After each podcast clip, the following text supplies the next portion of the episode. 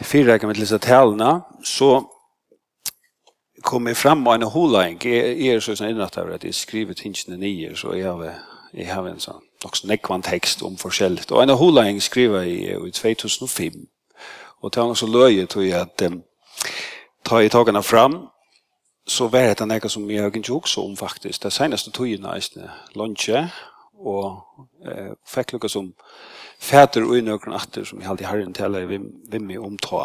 Og det er om etter her, altså det er også når så gjerne, eh, men det handlar mest om at her vi okkara fruja vilja, vilja okkara, vilja gods. Og Guds kunne okkara mengan så treske viljar komme i tråd vid han stora viljan, gods vilja, høves viljan. Guds kunne vi som så att säga börja att dreja som lyn som god. Hvordan kunne vi fære livet mer som om at god er til, og minne som om at god ikke er til? Det er et ordentlig velkjent evne. At det her er god, han er en allmåttor, han er suverener. God kan til ene hver tog få sin vilja, hvis han vil. Til andre søyan, hin søyan er okkara vilje, människans frie vilje och det viskar som om att det spänner mot kvar i öronen kunne heseberget existera i sen samståndes Guds vilje og okkara frie vilje til en god spurning. Eh, som vil ikke bare fra seg til at jeg kommer til sånne spurninger, men eh, da jeg møter en sånn stor spårning så är det alltid opptidget med. Det gjør det da.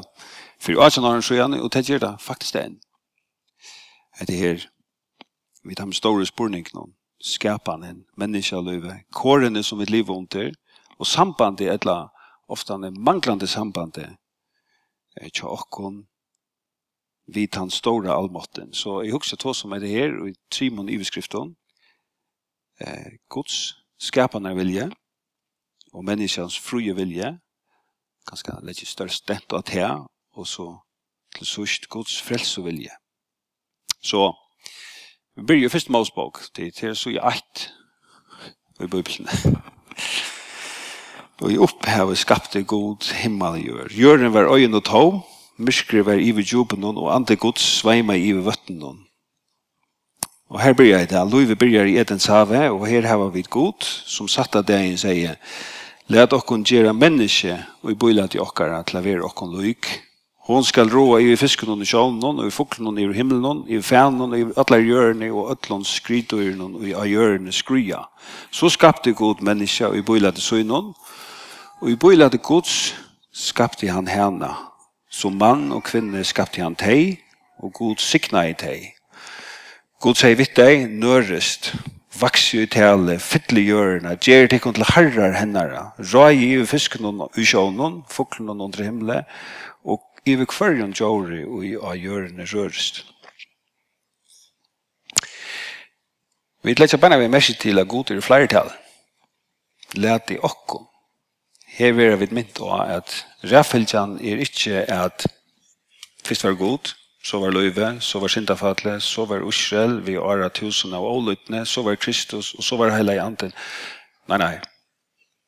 Lange her og så i tvei, sier god, lät i okkon gjera menneska. Tror jeg enten fyrir verska. Lät i okkon gjera menneska og bøyla i okkara. Og her skapte god Adam. Og Adam er et navn, og det virker ikke som et god huksar seg langt om og han veler hette navnet. Adam skal det være. Adam mestjer ur gjørende. Og urgjørende, det er vidt, Kjolt om vi vi først til tøyer vilja ikke ordentlig vilja være vittne, så vi har også spela til tøyer så super andalig at en skulle tro at vi tar pur som glemt det. Jeg vet ikke gjør det om alt. Jeg har til samme som resten av øtlen som er i sin heime. Vanligt, løyvrunde, organisk tilfell. Og Gud skapte Adam ur mold, men Og her er et menn, et størst menn, til Jehovas har vidt er med materia, så stender det at han blåste lusanda i nøs hans her, og menneska var livande sval, og så stender det her enda at han setter menneskene i roa, i fisken og sjånen, og foklen og trimle, i fænen, i alle hjørne. Og herren byrjar at hela vi menneska, og hva er så til første bøye? Hva er det første bøye fra god til? Er det som minnest? Ja. Han sier, du måste ikke ha ærer godere enn jeg. Nei, det var første bøy i Moslån. Men hva var det første som god sier vi mennesker? To har løyve at eta av øtlen trøven og jordstakaren. Så tog god Herren Adam og sette han i jordstakaren eten av dirka han og verva heita han. God Herren gav Adam i hetta bo to har løyve at eta av øtlen trøven og jordstakaren. Det er et jævligt bo, og vi eier gledest om at boene er jo at vi har lov at eta og livet av tog som er hesten heimene i Georgia, og som vi gjør det vi er parster av hesten heime og vi har finnet lov til så omettelig enn jeg flest av åkken du og øyelig et eller annet det vi sitter løy nok helter og drøyma om fantastiske naturopplevingar i stedet for jeg fer ut og njóta det Vi tråsa om gåan og hotekande tonleik, i stedet for færre konsert, etla og på jakår. Vi lønnsast etter harmonisk og velvirkande familjon, i stedet for at elska okra bød. Vi drøyma om romantiskan kærleika, i stedet for at elska okra mekar. Det er så nekv som eier er gerast, men det er så oppfætelig nekv meira som kan gerast innanfyr det mørk som god har sett. Så han sier, du har løyve til at etta. Men dette er løyve så til det settene parsten av bånene, åttan av trenon, til kunnskap om godt og illt, er at du måste ikke eta tandeien, og du etter at du skal du visselig at dødja. Og nå kommer vi inn av menneskens fruja vilja. Og jeg husker om etter boje, ikke så nek akkurat om hva ligger i tøtningsen, at vi ikke skulle eta, men meira om boje og seg sjolvån. Hetta var fyrsta boje til god, og i tøy ligger et løyve, fyrsta et løyve. Det var løyve til at eta, og så er forpå. Best av trenen som stendte bitt i orstagerne, måst du ikke eta.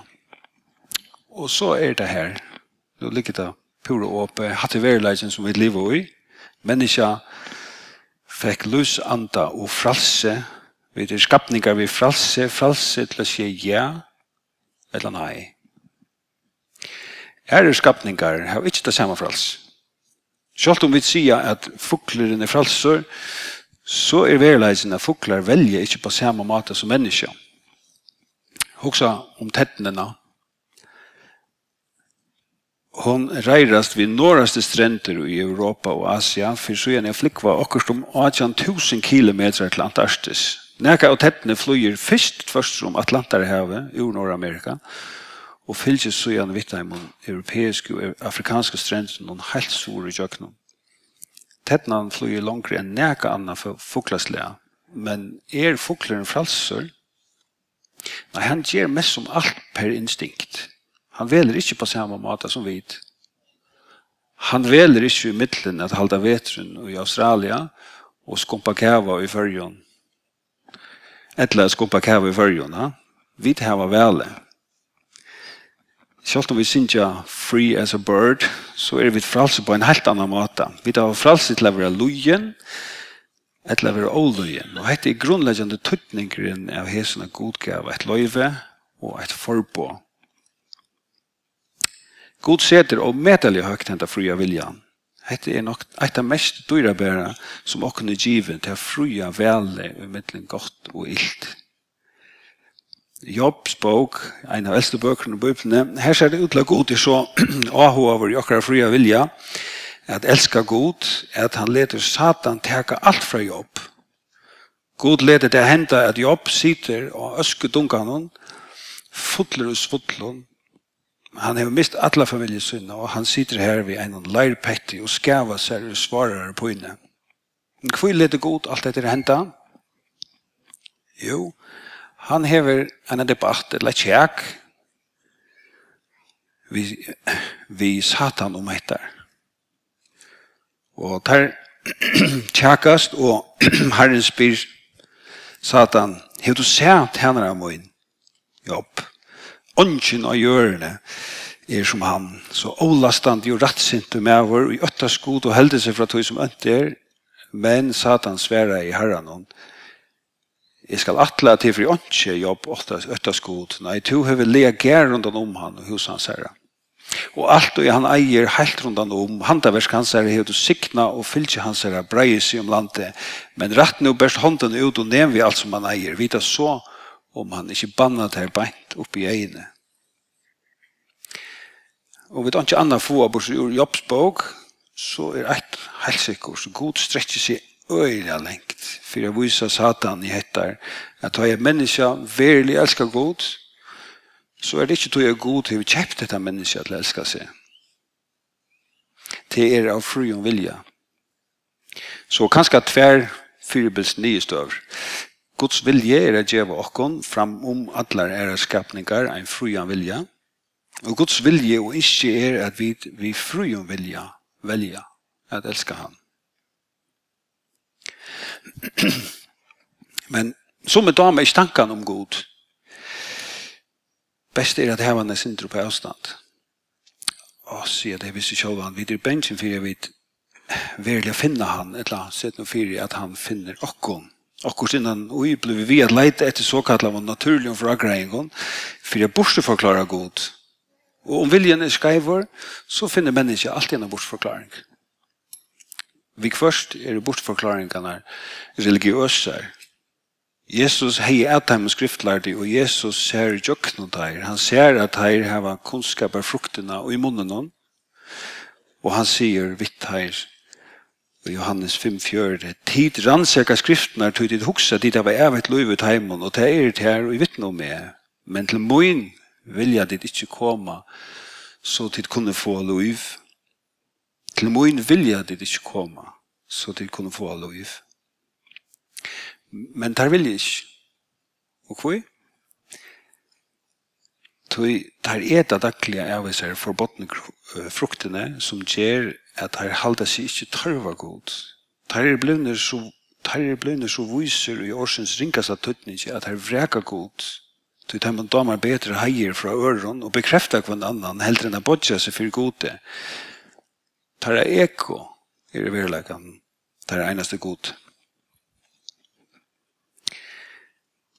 Så er det teg som åpenlust er av nokta god teg nastan friare Ofta vil jeg hese menneskene hava håndfast prekk om at god er, annars vil jeg det ikke trykva. Kjente ateisten Bersen Russell, han var en av forspurte hva han har sagt vi god om han at han nå at han var deier fann det av at vi måtte rundt til nåts og avvant det er god allikevel er til. Og så sier Bersan, så har jeg sagt vi han tog av oss mer simpelt enn å få prekk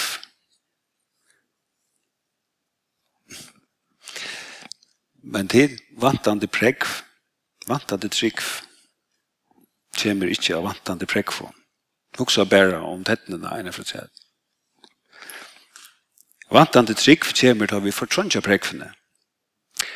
Og om et menneske brukar sine viljestyrke til ikke å trykva, så kan jeg ikke skjønnelig pregg få menneske å trykva. Så snart er det bare.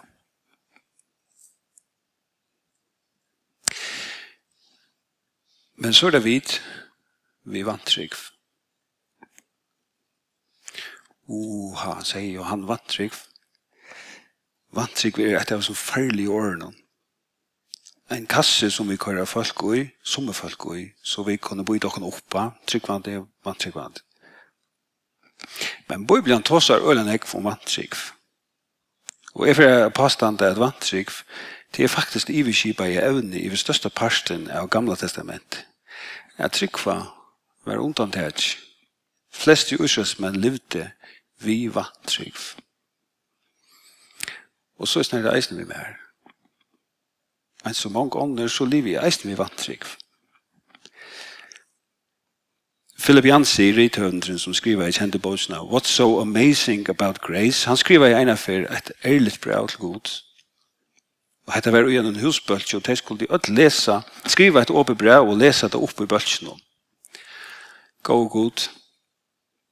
Jeg spyr menga meg sjálvan, livet er som om to er til.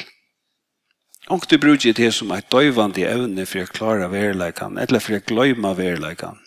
Og du kan jeg drøyma med uresen heime og mersa tan ósatta andalige heimen, og for det meste sikk vi fullt og fast og på tan også at heimeren verlig er til. Hans verlig som hesen heimeren er. Filippiansen skriver dette her brevet. Gå god, spyr menga meg sjolvan. Livet er som omtoverst til. Og du bruker det som er døyvande evne for å klara verileggan, eller for å gløyma verileggan. Og du kan drøyma med urisen heime og merke at han åsatte andalige heimen. Og for det meste trygg vi fullt og fast og på inte han åsatta heimen, ens, at han er ens verlig som hesen heimer av oksygen og græs og vattne, men gosse, gosse kan jeg få antallet heimen inn ui med? Gosse kan jeg få te inn ui med? Gosse ber jeg med at, at leta tøyn verilega siva inn ui med en styrvna og fabrøtta gerandstjan. Og i sangkåren og låt har vi kvart vittnesbord her som vi høyre kvann annan, og det som vi genga vi kvar synlige. Og et kvöld ble det meira som en AA-fonter. Jeg bryr vi å si, hei, jeg er Johan, jeg er en ivande synder. Men til, jeg, jeg må bruke alle mine viljestyrke til å by om hjelp, og si som papen, at du sjuka baden i Marskos Nudje, og han røpte i tryggve, hjelp, vann for mine. Jeg bygde om hjelp. Så, menneske kunne bruka gudsgivna viljan til at utihusa god. Ok? Altså, menneske kunne bruka gudsgivna viljan til at utihusa god. Og i samband med god er avgjørende at vi vilja løyva god gjennom så løsner at han kan teka bostad og okkon. Viljen er avgjørende. Og Guds frelse vilje. God er en skapande god. God er kreativ. God elskar å skapa okkur nytt. Jeg har en ekko år arbeid sammen med arkitekten. Det er kreativt folkeslag. For jeg skapa en nødjan bygning, så skulle han äga grundhuxaner på plats först. Så skriver vi ett nye huxsjålen at han för virksomhet som ska gänka för seg inn i bygningen. Funksjoner vil ha sett av en lista hver signal vi ska byggningen sända. Kvar ju tänker ju områdande för att syvnaren inne kan være i byggningen. er det plåstørveren, hva er utanför och allt det där. Ja? Och så sitter vi Og men kan diskutera vid noen byggningar og skitsa vi mer på hattar og hitt og hattar og så kommer mer på att säga og och när kommer vi synen, Og skitsen utvikler seg, men vi kvørst et eller rettere sagt som oftast, et eller ofta, så fyrt av spårene. Og så teker arkitekten av gjerne, og så sier han, vekk vi hese skitsene. Hatta ble vi ikke godt. Nytt papur og på teknebordet, og spyrir vi om at kreat vær no grunnhoksanen vi hese som bygningsen og kreative prosessen for i gongdatter. Så snart tids mer det tar i ferie i Nya testamentet och lese og i opphavet hver år og året vær så god til, og året vær god, han vær i opphavet tja gode. Alt er våre til vi hånden, og utan han er ikke våre til at hun som til er. Og i hånden vær loiv, og loiv vær jås menneskene. Hitt sanna ljøse, det som lyser i alle mennesker skulle nå komme i heimen. Han var i heimen, og heimeren er våren til vi hånden. Men heimren kjente han ikke. Han kom til sine ekne, men hans ekne tok ikke mot honom. Men som mankon som tok imot honom gav han mått at være bøtten gods teimon og utsikva av navn hans herre. Og hetta er vilje gods. Han ble åpenbæra over en menneske og kjøtt jo blå et ekta menneske. Men han var eisen ekta vår god så løs kunne vi kjenne og skilje vilje hans her. Men hvor, hvor spyr jeg vi? Hvor var det nøyot? Hvor var det nøyot at han skulle komme i, i deia enkjøst, svettande blå, som vi vet i det her. Og han spyr færer så i men han svettar. Færer, hei du vilja tidsje henta kærlek fra meg, to veri ikkje vilje moin, men tuin. Hvor var dette nøyet, og hvor? Og sverre er tog, så elskar jeg god heimen at han gav sånn så inn i neimborna. For jeg ført han, og tror han ikke skal fortepas, men her av et liv. David, han fann og opplevde kærlega gods enn i tusen år, år enn Jesus døy. Og i salme 193 vi ikke han, at han er fra og fremman er fra, heldet ut vars rommet. Du legger hånden av meg. Jeg skiljer til jeg er mer underfullt, til og høgt. Jeg er ikke mentor. Hver skal jeg fære undan andatøynen, og hver skal jeg flytja undan asjontøynen. Og i de åpne brevene som Filip Jansi skriver i god, så fortsetter han så leis. Nå sutt jeg framstid. Nå er jeg færen av vira til heldren av reas det. Nu hugsi jeg meira om nøye og miskontyna, heldre enn heilaleika og størleika tøyn. Jesus hefur gjørst dette, halti jeg. Han hefur tamt det. Jeg minst alleg så mykje vi kunne være i samme rom utan at jeg gav med meg til i ena hjørnen om alle tøyna.